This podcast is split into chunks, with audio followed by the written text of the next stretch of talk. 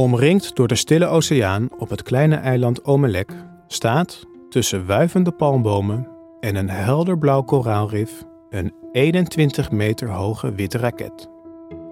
Op de zijkant prijkt in zwarte letters SpaceX. Het is 28 september 2008 en een paar minuten voor lancering. Een team van jonge ingenieurs heeft jarenlang dag en nacht manisch gewerkt aan deze raket, de Falcon 1. Weg van familie en vrienden, geteisterd door tropische hitte, muggen, soms honger. En altijd voelt men de druk van Elon Musk, de oprichter van het nieuwe commerciële ruimtetransportbedrijf. Musk roept naar Mars te willen en herbruikbare raketten te gaan bouwen. Maar zes jaar na de oprichting en 100 miljoen dollar verder, heeft hij alleen nog maar drie mislukte raketlanceringen op zijn naam staan. Met zijn laatste bijeengeschraapte privékapitaal kan hij nog één lancering bekostigen. Als dit mislukt, zijn SpaceX en Elon Musk bankroet. Alles hangt af van dit moment. Vanuit een bunker die door moet gaan als controlekamer, kijkt Musk gespannen naar het scherm. 5, 4, 3, 2, 1, 0. We're in station. And we're flying. We have liftoff. T plus 60 seconds. Die dag gaat SpaceX de geschiedenisboeken in als het eerste bedrijf dat succesvol een raket afvuurde om een satelliet in een baan om de aarde te brengen. There are a lot of people that thought we couldn't do it. Um, a lot, actually. but, you know, as the saying goes, fourth time's the charm, right? I mean,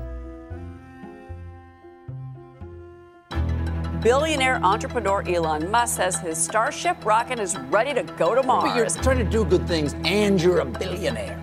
trying to do useful things. Elon Musk has now completed his $44 billion deal to buy Twitter after months of legal battles. Hij maakt elektrisch rijden sexy, wil de mensheid naar Mars brengen en met een enkele tweet kan hij koersen laten stijgen of dalen. En zelfs de loop van oorlogen beïnvloeden. In deze podcast gaan we op zoek naar de drijfveren achter de handelingen van Elon Musk, een van de rijkste mensen op aarde. Hoe is hij dat geworden? Wie waren zijn voorbeelden? En is het wel verstandig om één mens zoveel genialiteit toe te schrijven? Mijn naam is Simon Dikker-Hupkes. Welkom bij Wie is Musk?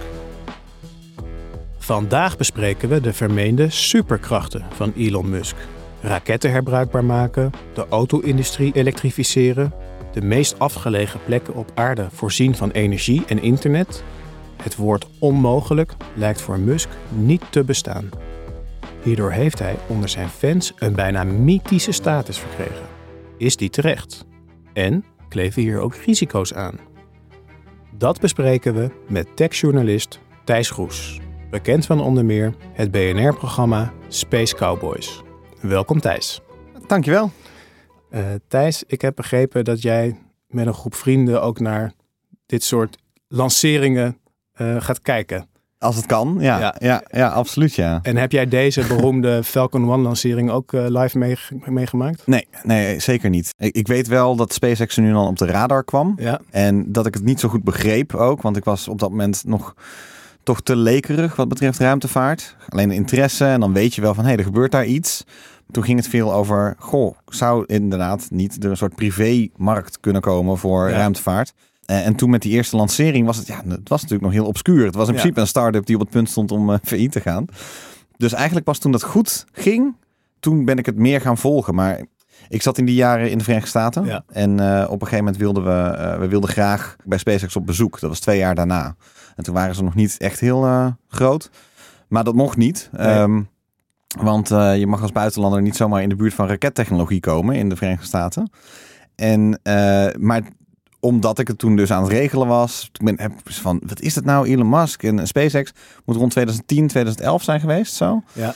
Eh, toen, ehm, toen kwam ik achter Elon Musk, maar heel verwarrend, want hij deed ook iets met elektrische auto's. Dus ik van, hè, wat, hoezo kan die vent nou die allebei die dingen doen, die allebei best wel interessant zijn. En vanaf dat moment ben ik hem op een gegeven moment op de het een voet... beetje gaan volgen? Ja, nou Ja. niet een beetje. Op een gegeven moment ben ik hem op de voet gaan volgen. Ja. Ben je ook een soort Musk fanboy? Ik denk dat er zeker eh, fanboy elementen zijn. Alleen eh, wel altijd fijn als je je aan realiteit blijft houden of Ja. zo. En dat heeft Elon Musk op een gegeven moment zelf niet meer helemaal gedaan. Ja. Die begon... Wacht even, daar komen we nog over te spreken. Ja, ik daar wil even terug te naar het, moment van die lancering in 2008. Duid jij eens even voor ons, waarom was dat zo'n cruciaal moment? Omdat hij al zijn geld aan het stoppen was in SpaceX. Hij had er gewoon een enorme droom. En eh, hij probeerde eigenlijk aan de buitenwereld te laten zien van eh, ik kan dit. En eh, de buitenwereld was unimpressed met drie ontplofte raketten.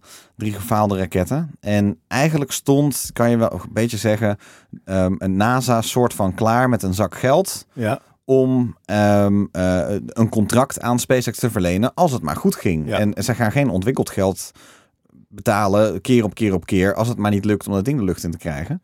Eh, maar de droom en de visie was gewoon heel groot. Dus NASA was op zich wel welwillend. Maar de investeerders en iedereen, het, het geld was gewoon op. De, de, het eind van de, van de rit Ja. was bereikt. Dat ding moest het doen. Heeft volgens mij, dus het was eigenlijk de derde had het al moeten doen. ja. Maar dit was de vierde. en als die het niet had gedaan, dan was gewoon het geld op. En dan hadden ze weer helemaal opnieuw moeten Ja. beginnen. En dan wie weet hoe lang eh, van dat, Ja. eh, dat afstel had geduurd. Zeg maar. Hadden wij hier misschien vandaag helemaal niet gezeten. Precies. Ja. Dan was, was, Ja. was hij gewoon een Silicon Valley gast geweest die het niet gelukt was. Prachtig. Hey. Want hoe was het met de ruimtevaart gesteld voordat SpaceX eh, zijn intrede deed? Nou, in principe was het met de ruimtevaart fantastisch gesteld in de 20e eeuw. We zijn naar de maan geweest. Eh, de Voyagers gingen naar het niks. We zijn op allerlei plekken robots heen gestuurd. En astronauten gingen eh, rond eh, de aarde in het internationale ruimtestation. Ja, Zo was het eind 20e eeuw. En toen opeens, misschien dat 9-11 er ook aan bij heeft gedragen, maar door allerlei soort van afbrokkeling aan, aan aandacht, ehm, raakte het vooral in de Verenigde Staten in het slop. Ja. En, dus je zegt eigenlijk in onze huidige eeuw was het sprake van stagnatie van de Totale ruimtevaart. stagnatie, ja. Ja. En praktisch gezien was de Verenigde Staten niet meer in staat op een gegeven moment om eigen astronauten naar het eh, ruimtestation te krijgen. Want die hadden de Space Shuttle gemaakt. Dat was eigenlijk een eerste poging tot herbruikbaarheid van een, eh, een ruimtevaartuig.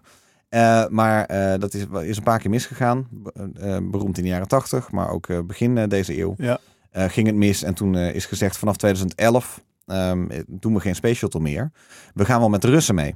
Ah. En dus vanaf dat moment konden Amerikaanse astronauten, dat werd wel een beetje als een deuk in de prestige gezien, konden alleen maar met de Russen omhoog. En dat alleen al, ja, is natuurlijk best wel intens. En hier komt dan opeens een nieuwe speler Ja. die zegt, ik heb wel een, eh, een oplossing. Enter Elon Musk. Enter wat, Elon wat Musk, was ja. zijn, eh, wat was zijn geniale idee? Nou, hij had twee geniale ideeën. Twee zelfs.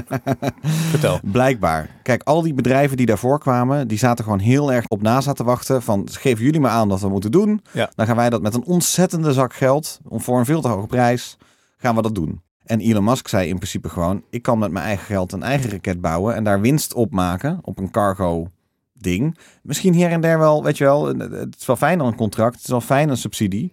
Maar het moet in principe zijn eigen geld kunnen opleveren. Wanneer kan het alleen zijn eigen geld opleveren? Als hij herbruikbaar is.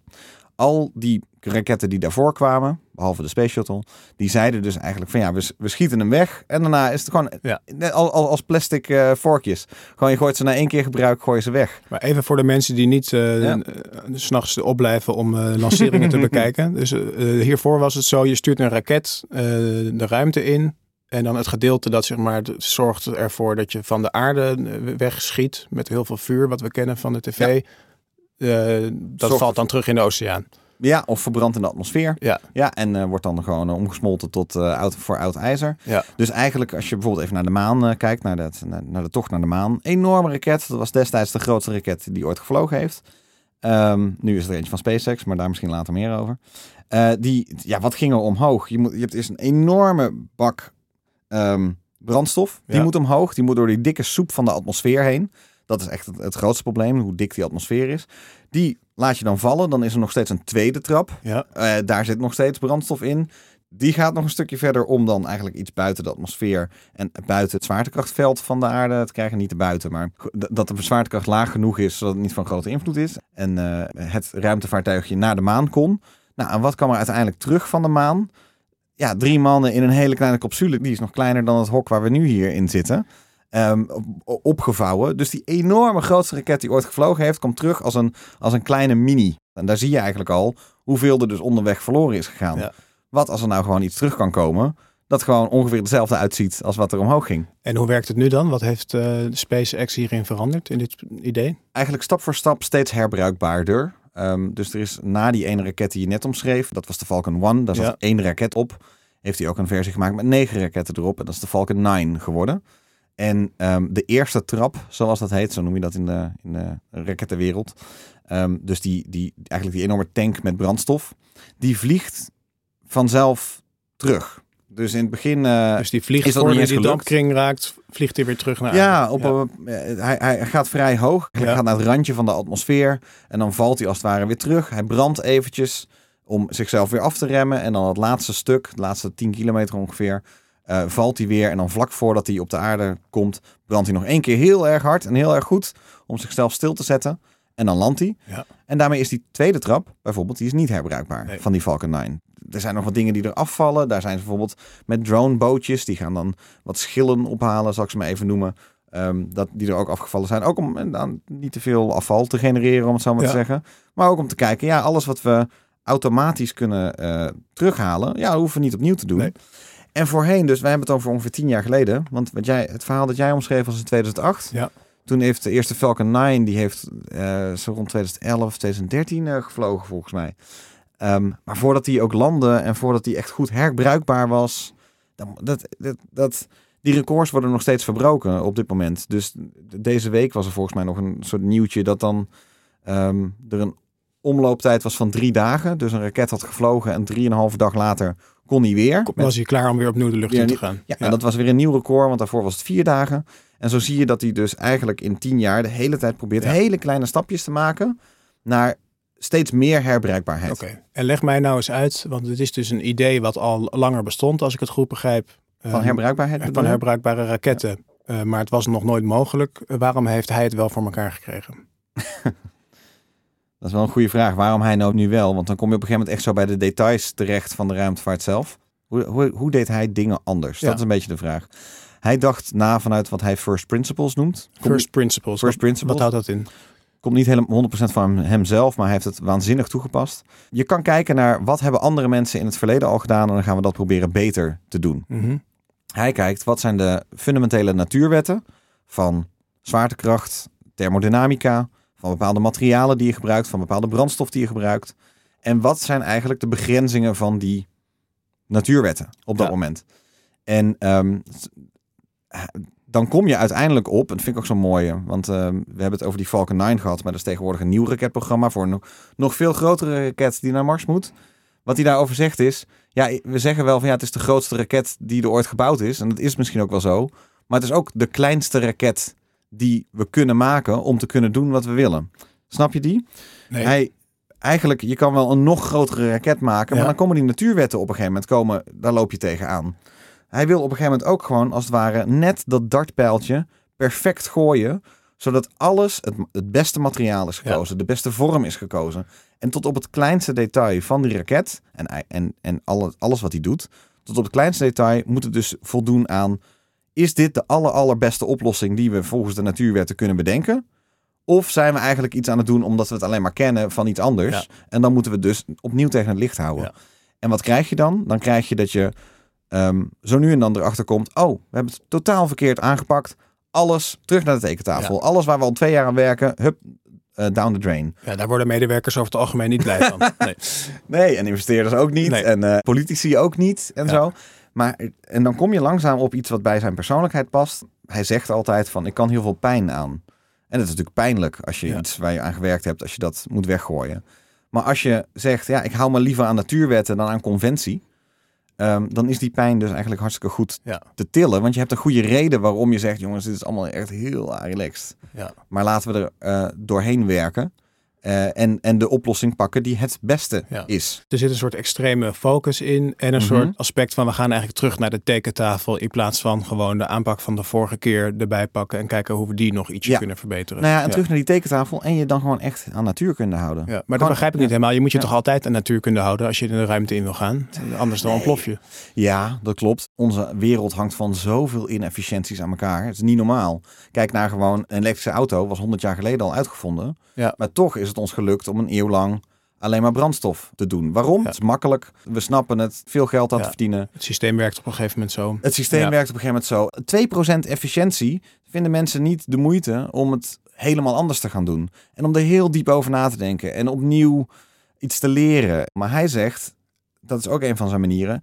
2% hier, 3% daar, 1% daar. Telt jaar in, jaar uit, maand in, maand uit. Telt dat gewoon op naar enorme winsten. Ja. Dus dan heb je na een paar jaar opeens 30% winst. Terwijl iedereen zei, dit is onmogelijk. Ja, mooi. Dus Ja. we begonnen in 2008. Eh, waar staat eh, SpaceX nu? Zeg maar 2023, 2024. Ja, dat is best een goede vraag. Omdat natuurlijk nog steeds, net als toen in 2008, heel veel van SpaceX nog steeds de belofte is. Maar als je terug omkijkt naar wat hij dan toch in die 15 jaar, 16 jaar gedaan heeft, ehm, dan zie je dat eh, er op dit moment een wereldwijd internet hangt op hoge snelheid. Breedband internet, dat werkt. Ja. Werkt goed ook. Ja, Starlink. Starlink, je ziet het de hele tijd overal. Ehm, en het is eh, goedkoper aan het worden dan alle andere oplossingen die er daar dan beschikbaar zijn. Ja. Ehm, eh, dus dat is een be- belofte ingewilligd. Die Falcon 9 is eh, de goedkoopste manier om cargo in een baan rond de aarde te krijgen. Mensen worden vervoerd. Ehm, enorme contracten om mensen naar de maan te brengen, om Ja. mensen rond de maan te brengen. Dus je ziet dat SpaceX daar gewoon de totale ruimtevaartindustrie op zijn kop heeft gezet. En iedereen kijkt eigenlijk alleen naar hun om te kijken hoe het moet. Alleen die belofte van naar Mars gaan. En met Starship, want dat is dus dat volgende raketprogramma. Ja. Een volledig herbruikbare raket ter grootte van die Maan-raket, dus ongeveer. Ehm, kunnen 100 mensen mee naar Mars, maar er kunnen ook cargo mee. Er kunnen enorme satellieten mee eh, worden gelanceerd. Je ziet gewoon dat de prijs van dingen in de ruimte brengen, dat die enorm omlaag is gekomen dankzij SpaceX. Ja. En die technologie bestaat, is al goed. Stel Elon Musk komt morgen onder een zelfrijdende Tesla, dan eh, kan je gewoon verder gaan met ehm, SpaceX met de technologie Ja. die er nu al is. En dan nog steeds is het revolutionair geweest, alleen niet zo revolutionair als de belofte die Elon Musk Ja. in principe gemaakt heeft. Ja, jij noemt al even Mars. Dat is natuurlijk, daar is eh, hij echt beroemd van geworden. Eh, het idee van we moeten de mensheid op termijn eh, naar Mars gaan brengen. Starship, dat is geloof ik een programma dat belooft dan dat je elke twee jaar gaat er een raket richting Mars. En daar zou je dan op mee, kunnen, mee kunnen gaan. Ja. Waar komt dit idee vandaan en, en waarom is het nodig? Want het komt op mij nogal gestoord over om naar een planeet te gaan waar je helemaal niet kan leven. Eh, het is ongeveer net zo gestoord als een bootje pakken en naar de andere kant van de oceaan eh, gaan. Het is ongeveer net zo gestoord als mensen op de maan zetten, alleen maar om te laten zien hoe sterk land je wel niet bent. En hoe ver je raketten wel niet kunnen vliegen. En naar Mars gaan is net zo'n stom idee. Ehm, omdat er waarschijnlijk, er gaan mensen dood. Je hebt daar eigenlijk niks te zoeken. Maar het, wat het voor ons als mensen betekent, ehm, is nauwelijks te beschrijven, omdat we het niet helemaal weten. Ik, eh, ik wil eventjes de maanlanding nog één keer bijhalen. Ik zeg wel eens, de opmerking, we kunnen naar de maan, maar we kunnen niet puntje, puntje, puntje, puntje, is misschien wel het meest waardevolle geweest van, eh, van het maanprogramma. Omdat het dus duidelijk laat zien waar mensen toe in staat zijn. En ehm, een totaal nieuw perspectief geeft op wie wij als mensen zijn. Dus daar zijn foto's vandaan gekomen die de aarde in het niks laten hangen, wat een filosofische uitwerking heeft. En het heeft ehm, allerlei technologie opgeleverd, waaronder zonnepanelen bijvoorbeeld. Ja. Begrijp ik jou goed dat Ja. je deel van jouw antwoord eigenlijk is...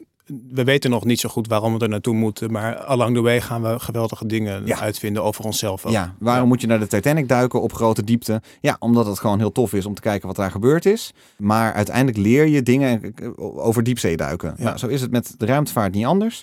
Ehm, heel vaak wordt eh, gezegd van ja, wat, wat, wat moeten we er dan eigenlijk mee? Want met robotjes wegsturen of wat Ja. dan ook. De antwoorden liggen besloten in de technologie die gecreëerd wordt dankzij zo'n debiele missie. En misschien het nieuwe perspectief op de aarde of op ons eigen leven. op onszelf. Kijk. Ja. je moet ze nu dan gewoon even kijken naar waar we zijn als, als aapsoort in het tijdsgevricht. We zitten op een, op een planeet die meer dan 4 miljard jaar Ja. oud is. Eh, leven is eh, ongeveer 500 miljoen jaar opeens complex geworden. Wij mensen nou, aapsoort 2 miljoen jaar, 200.000 jaar lang eh, int- intelligent. Ja. En zo werken we naar dit moment toe. En als je op een gegeven moment gewoon uitzoomt naar waar we staan als mensen, dan kunnen we inderdaad, en dat zegt Elon Musk ook altijd, we kunnen wachten tot er iets ons overkomt. En dan was het echt super vet met z'n allen Ja. als mensheid. Met bewustzijn en, en mooie boeken schrijven en films maken. Maar dat is het dan. En er is een ding dat heet The Great Filter.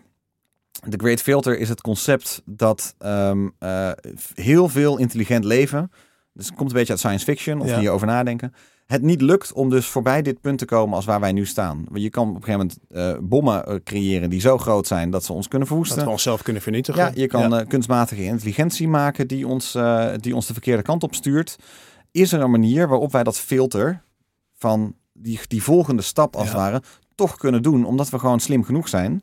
En naar Mars gaan, daar geloof ik eigenlijk ook wel in. Ik weet gewoon dat je, als je zulke soort debiele dingen doet, dan komt daar debiele technologie uit Ja. voort. Dus ook met het oog op klimaatverandering.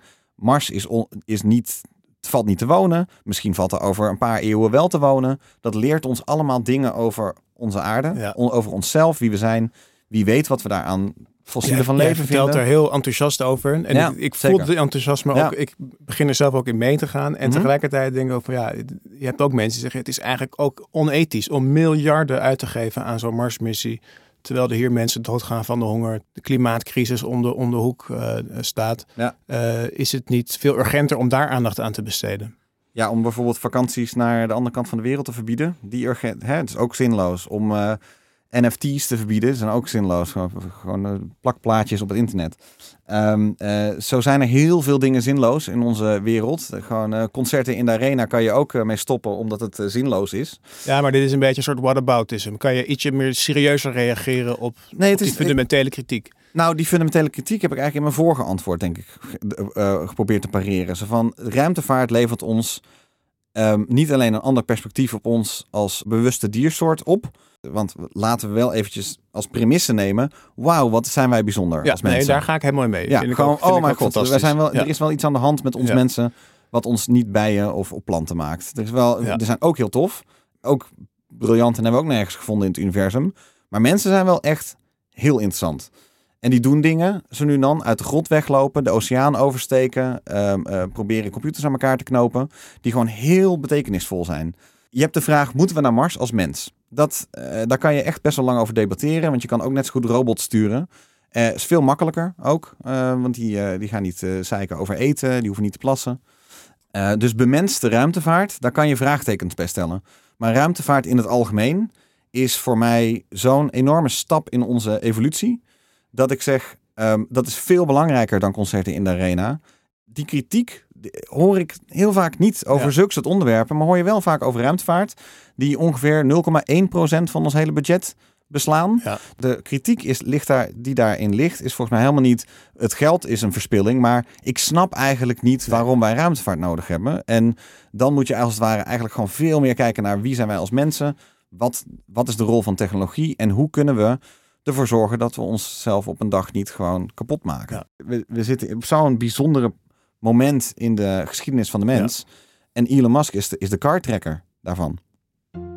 Het is 2008. De Marvel-film Iron Man trekt miljoenen mensen naar de bioscoop.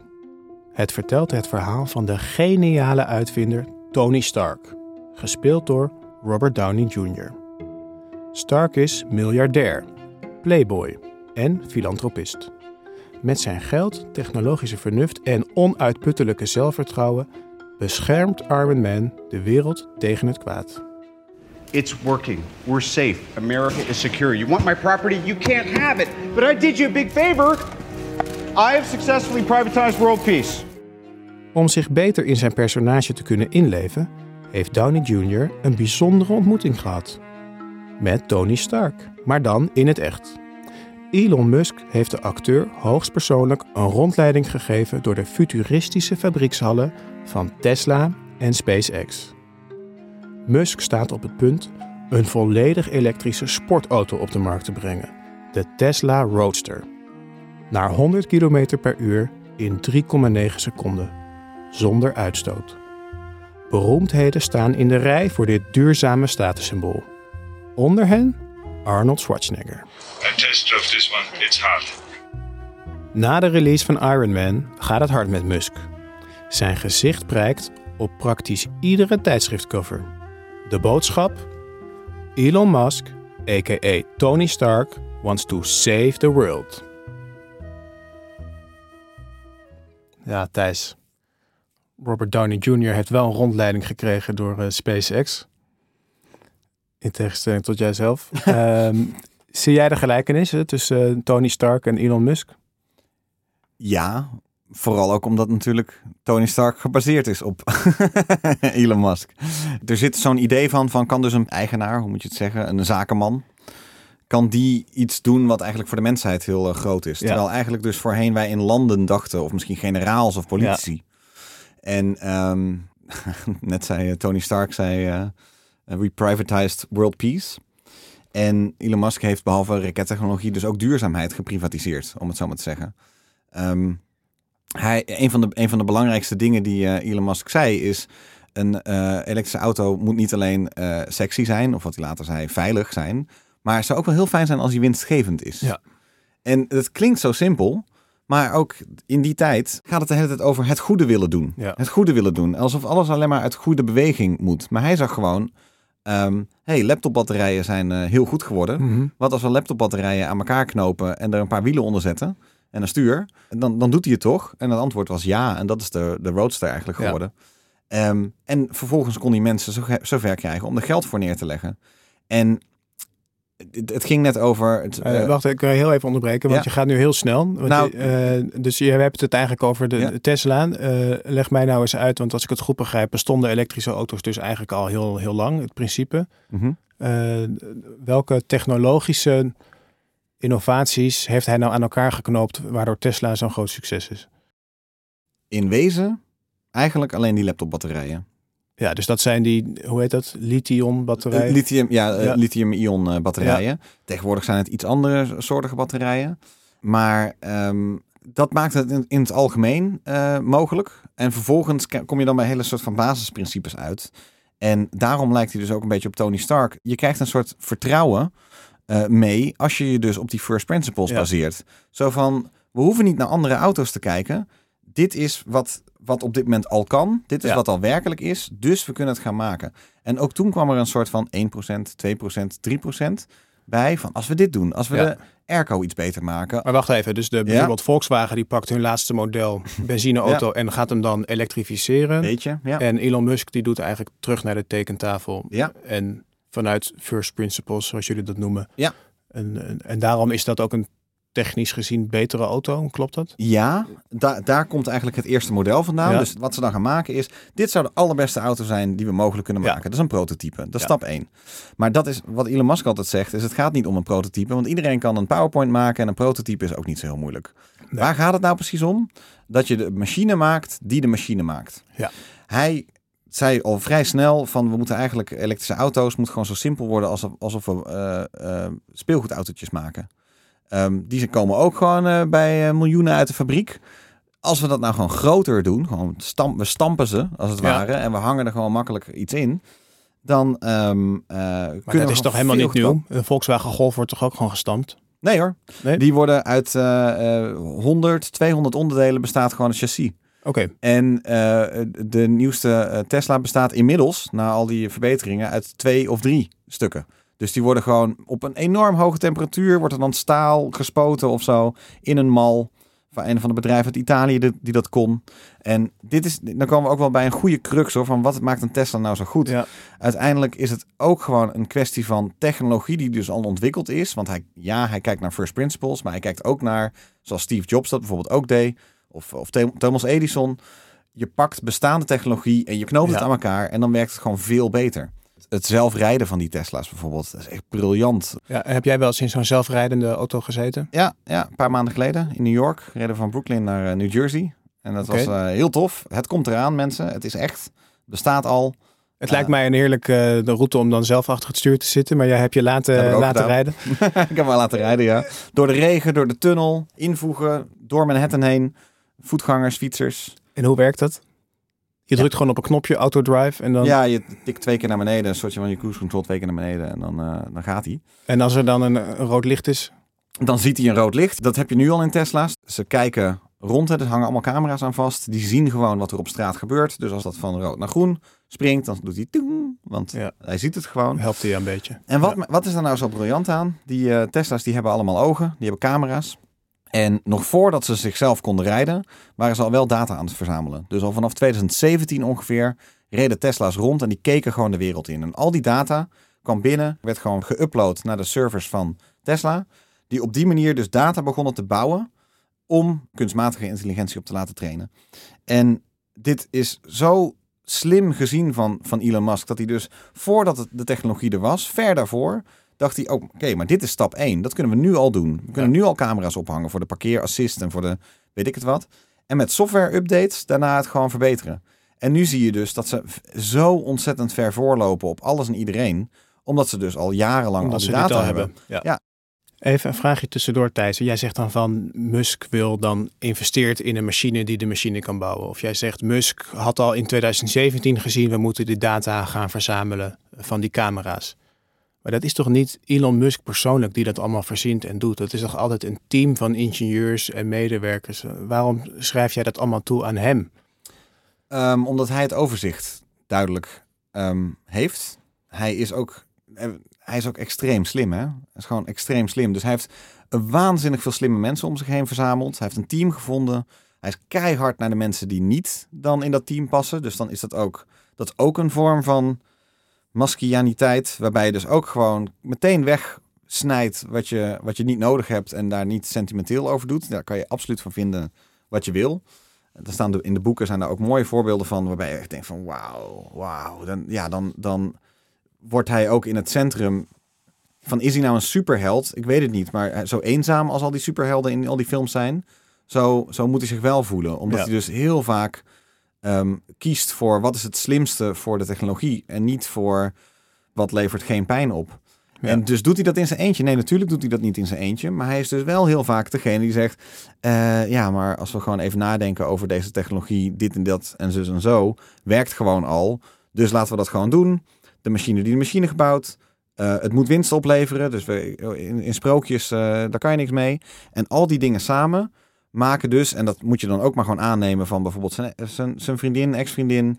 ehm, die zeggen gewoon het leiderschap dat hij daarmee toont Ja, de hele tijd. En dat hij er ook altijd is. Dat hij in de fabriek sliep. Om te laten zien van ik vind dit heel belangrijk. Ehm, eh, eh, op de moeilijkste momenten er altijd is. En altijd voor de troepen op, uitlopen. Ja, op een gegeven moment is het... Nee, natuurlijk heeft hij een AI-deskundige daar. En een ma- material design eh, expert daar. En zo heeft hij al die experts om zich heen verzameld. Maar op een gegeven moment is er wel één iemand... die begrijpt waar die mensen het over hebben. Wiens geld er de hele tijd ingaat. Die de hele tijd het gezicht is van alles. Ja. En dus alle verantwoordelijkheid moet vangen ervoor.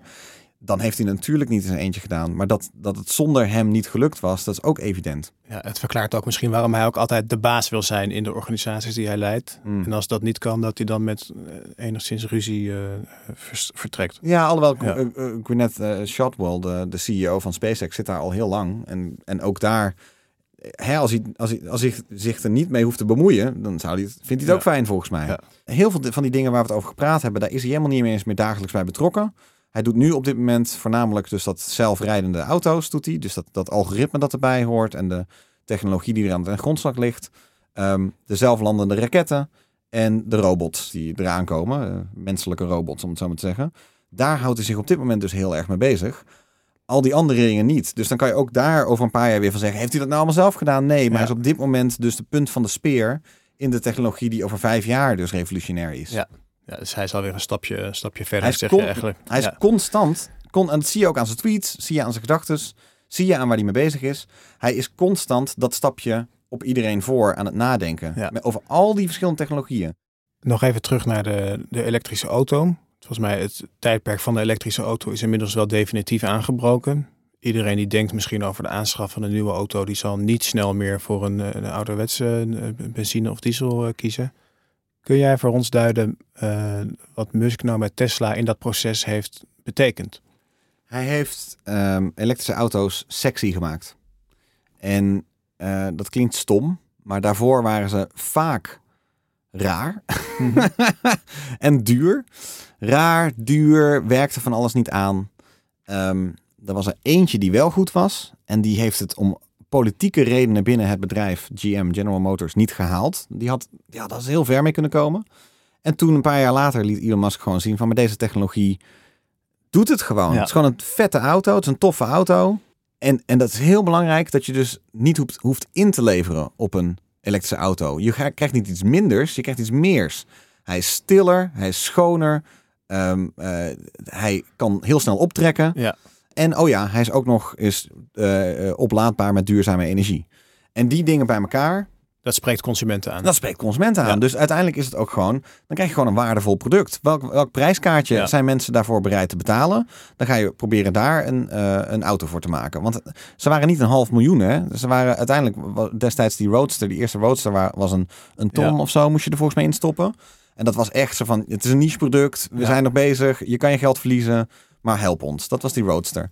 Maar toen bij die Model S was het gewoon heel duidelijk. En van, dit is een prachtige auto. Won ook auto van het jaar. Niet, niet elektrische auto van het jaar, maar gewoon de Auto, beste auto ja. van het jaar. 2012 of zo uit mijn hoofd. 2011 zo rond die tijd. Ehm, en liet daarmee zien, kijk jongens, dit is de beste auto die er is. En hij is elektrisch. Ja. En dat, dat, dat veranderde gewoon iets in de hoofden van mensen. Die bij een elektrische auto altijd dachten, oh ja, dan, dan sta je vast eh, halverwege. Dan ga je langzaam en, eh en het werkt vast Ja. van alles niet. En gewoon laten zien dat iets al werkt. Dat is wat Elon Musk de hele tijd opnieuw deed. Dus al die sceptici die de hele tijd zo van, ja, dat gaat hij niet lukken. En er zijn er zoveel. En vandaag gewoon, het, gewoon alle kranten en de, en de social media lopen zo over van, van die mensen die aan de zijlijn staan en zeggen, nee, dat gaat er nooit werken. Of, Ja. of een een of ander raar argument bedenken om maar niet wel op die bandwagon te hoeven springen van, oh mijn god, het werkt, het is fantastisch, het ziet er fantastisch uit. Hij doet het en nou ja, met een beetje hulp kan je het nog betalen ook.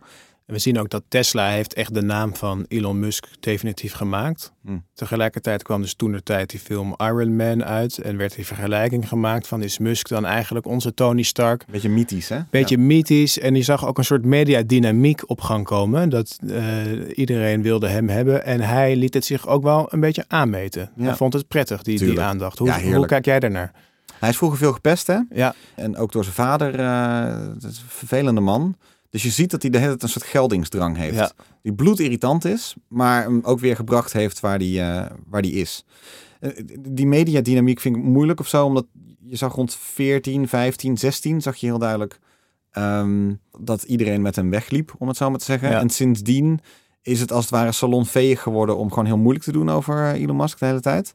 Dus de, sommige mensen zien hem absoluut nog steeds als een Tony Stark en een superheld. Maar dat hij inmiddels de flawed superheld Ja. is, die, die ook, ook vanaf toen al op Twitter gekke dingen zei of, of ruzietjes aanging. Of je denkt van dit is zo futiel, waarom, ja. waarom ga je zo- zo'n ruzietje aan? Ja. Omdat hij dus een ego heeft dat, dat bediend moet worden. Dan kan je nog zo'n brein hebben en vanuit first principles redeneren. Ja. Dan komen er toch ook andere hartstochten naar boven, Ja. blijkbaar. Hij is heel emotioneel, hè? dus hij huilt makkelijk.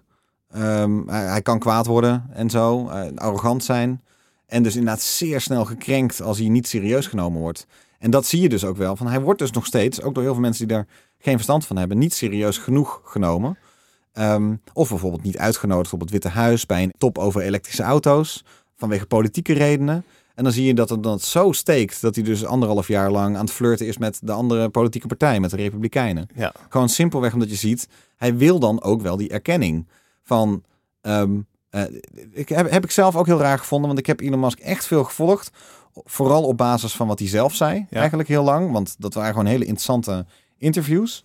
Ehm, maar dat dat, dat dat bevragen ervan en dat, dat constant proberen aan zijn stoelpoten te zagen, heb ik ook heel bevreemdend gevonden. Zo van, dan komt er op een gegeven moment een vent die het lukt om elektrische auto's te maken. Maar dan is er bijvoorbeeld, voor lack of a better term, een linkse elite Ja. die als het ware een beetje vies is van geld. Die dan heel erg dus de- om die reden niet naast hem willen staan. Want ja, hij is een miljardair. Dat zie Hij je moet aan het kruis genageld. Hij Ja. moet toch aan het kruis genageld op een bepaalde manier. Terwijl die eigenlijk ook die superheld is. Ja. Volgens mij gaan meerdere van die superheldenfilms daar ook over. Over die dynamiek. Ja. Zo van, je bent de held en de villain in één. Ja, vaak is dat wel zo. En als hij een superheld is, wat is dan zijn superpower? Dat hij heel veel pijn aan kan, zegt hij zelf. Dat zijn zijn woorden. Dat hij heel veel pijn aan kan. En ehm, ik merk het echt ook de hele tijd als je heel vaak discussies begint. Of gewoon gesprekken begint met mensen op feestjes over wat echt is. In plaats van wat als het ware iedereen op het feestje denkt. Dan heb je gewoon geen gezellig feestje. Je moet toch op een bepaalde manier meepraten met mensen en dan hopelijk een klein tikje geven links en rechts. Want mensen willen helemaal niet de realiteit horen. De realiteit is ruw, is hard, is, is, is, is ontdaan van roman- romantiek. Ja. En onze hele samenleving zit zoveel romantiek en romantische ideeën, dat we het helemaal niet lekker vinden om keihard te horen. Nee, dit is hoe het is. En eigenlijk anders werkt het niet. En, dat- en hij werkt daar de hele tijd doorheen. Ja. Met allemaal, laten we zeggen, gewoon de mensen die in Delft en Eindhoven werken. Gewoon engineers, eh, ehm, eh, techneuten, Ja, eh, nerds. mensen. Hm? Nerds. Ja, nou, noem ze maar nerds. Ehm, om iets gedaan te krijgen. We zijn hier niet om, een, om het gezellig te hebben met elkaar. We zijn hier om een probleem op te lossen. Dat is de Dat- superpower. Ja, van- en vervolgens heeft hij een toolbox. Waar, we het over gehad hebben. Al die, al die andere dingen. Dus eh, gewoon goed zakelijk inzicht. Die toolbox, daar kan hij dan uit putten. Om dus door al die pijn heen te kunnen. Want uiteindelijk, want uiteindelijk moet er wel iets zijn dat werkt. Ik word gek van dat verkeer. Ik ga een boormachine voor tunnels bouwen. En begin gewoon met graven. Het is een tweet van Elon Musk uit 2016, waarin hij klaagt over de files in Los Angeles. Het lijkt een grap. Maar het is het begin van The Boring Company, een tunnelboorbedrijf dat ondergrondse transportsystemen voor auto's ontwikkelt. Zelfrijdende elektrische voertuigen, uiteraard uit Musks koker, zullen zeer snel door tunnels, ook van Musk, onder alle andere auto's rijden, zodat mensen sneller hun bestemming kunnen bereiken. Experts merken fijntjes op dat zo'n systeem al bestaat, namelijk de metro. Is dit niet gewoon de eliteversie hiervan? Een paar jaar later ligt onder het conferentiecentrum in Las Vegas de eerste autotunnel. Een wandeling van 20 minuten teruggebracht naar een rit van 1 minuut. Op een filmpje toont de praktijk iets anders. In een claustrofobische tunnel zien we een rij Tesla's met chauffeurs wachten tot de stoet in beweging komt. De toekomst van transport lijkt te maken te hebben met, jawel, file. Ja, Thijs, blijkbaar verandert niet alles wat Musk aanraakt in goud. Nee. Vooral als hij op een gegeven moment eh, tegen dingen begint aan te schurken waar hij geen verstand van heeft. Ja, Of als hij een eh, technologische oplossing zoekt voor eh, bijvoorbeeld een sociaal of meer een architectureel probleem. En dat zie je met die Boring Company. eh. ja leg eens uit wat hier misgaat. Nou, vooral wij als Nederlanders, denk Ja. ik, hebben een unieke, unieke positie hierin. Ehm, en ik moet ook gewoon even persoonlijk zeggen, ik heb vijf jaar in de Verenigde Staten gewoond. En toen ik vorig jaar nog eens op een, een grote trip door het land ging, vond ik het aller, allergrootste probleem van de Verenigde Staten op dit moment. ehm, de afschuwelijke staat van de publieke ruimte. Ja. Ehm, je komt uit je huis, je stapt in je auto. Je komt misschien niet eens je huis uit, maar Ja. je stapt in je auto.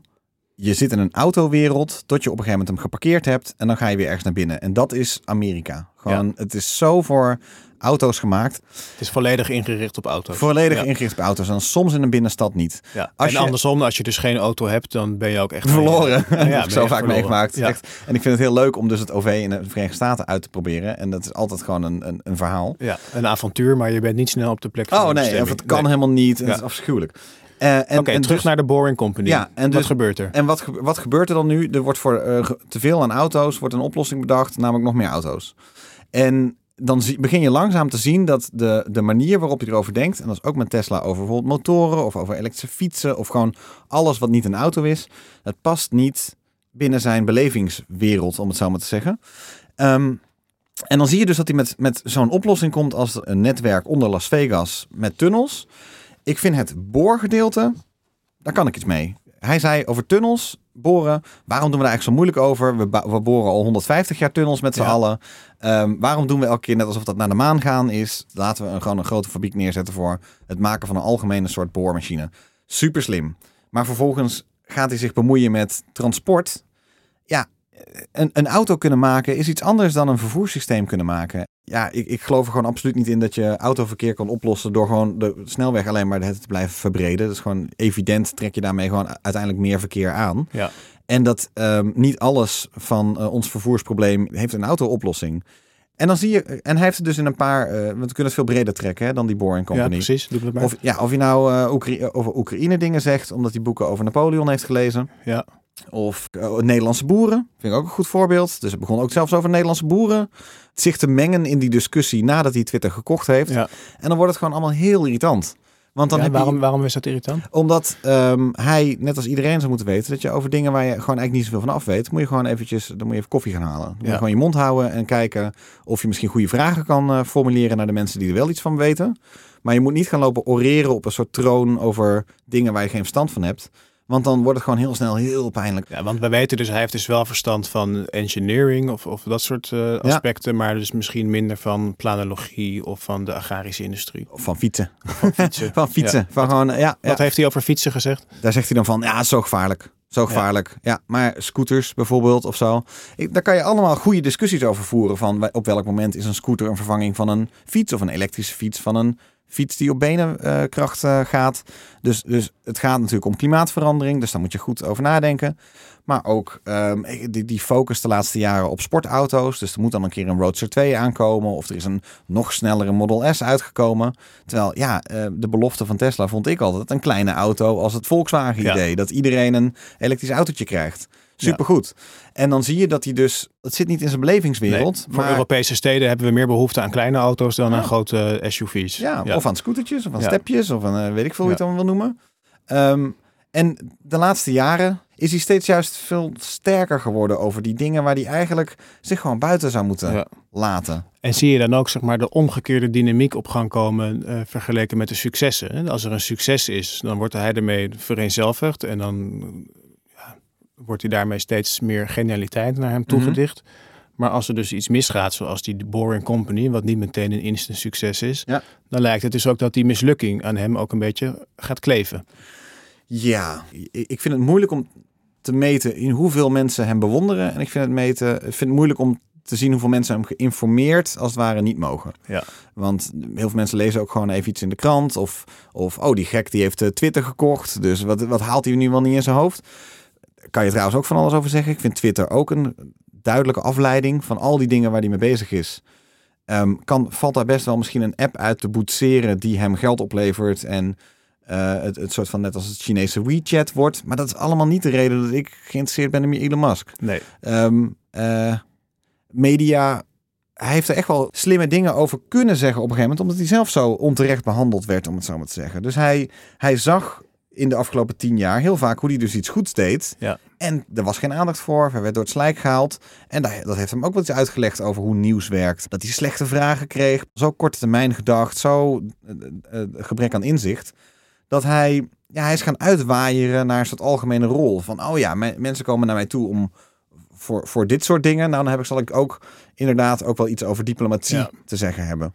En het is ook wel, als we even teruggaan naar de, het thema van de superhelden. In Mhm. superheldenfilms is dat ook een bekende thematiek. Van ja, je kan wel een superheld zijn, maar als je verkeerd wordt begrepen Mm. eh, door de massa, dan kan je zelfs een beetje ja, overgaan naar de dark side. Ja, of buitenspel gezet worden. En dat is, Ja. dat is toch een beetje. Mensen willen natuurlijk hem graag bewonderen en lauweren.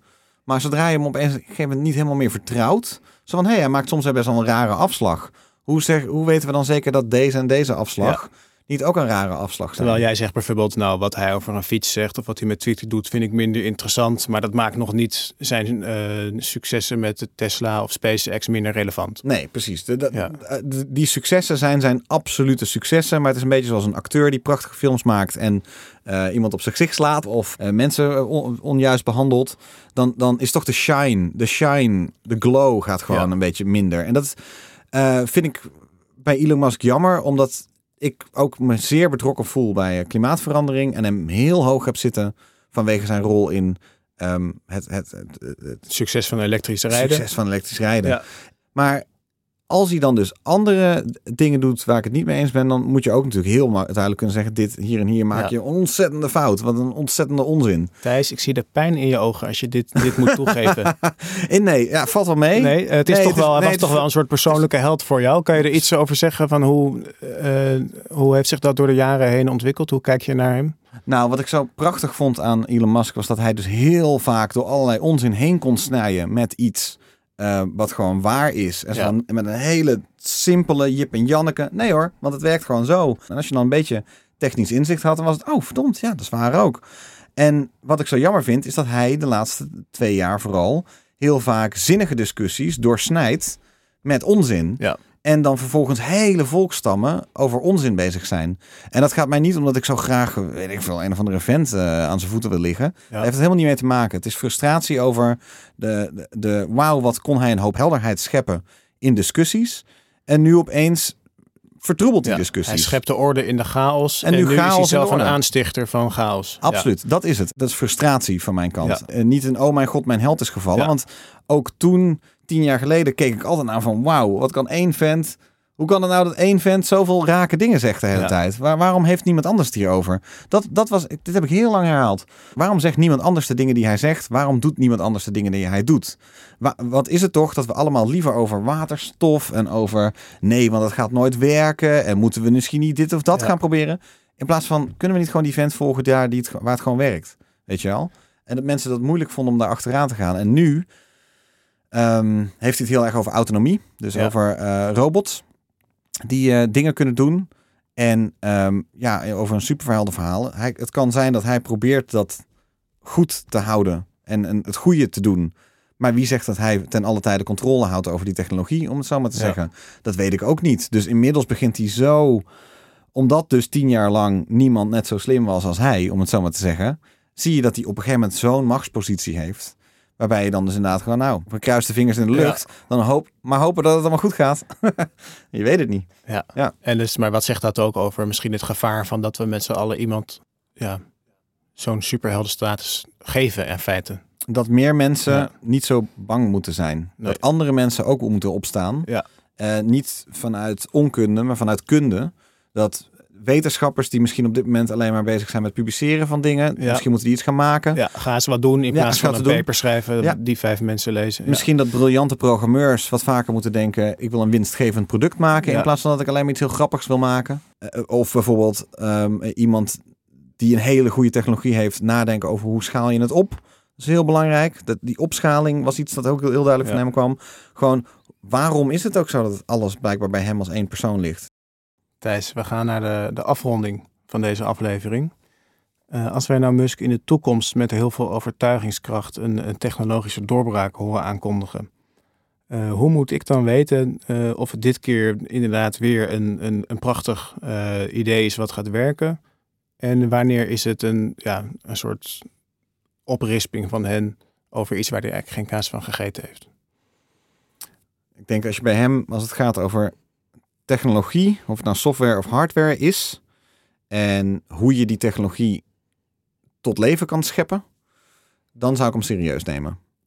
Als het een sociaal probleem is dat heel vaak toch met cultuur te maken heeft, of met politiek of met verhalen, dan is hij gewoon één druppel in de grote oceaan van meningen.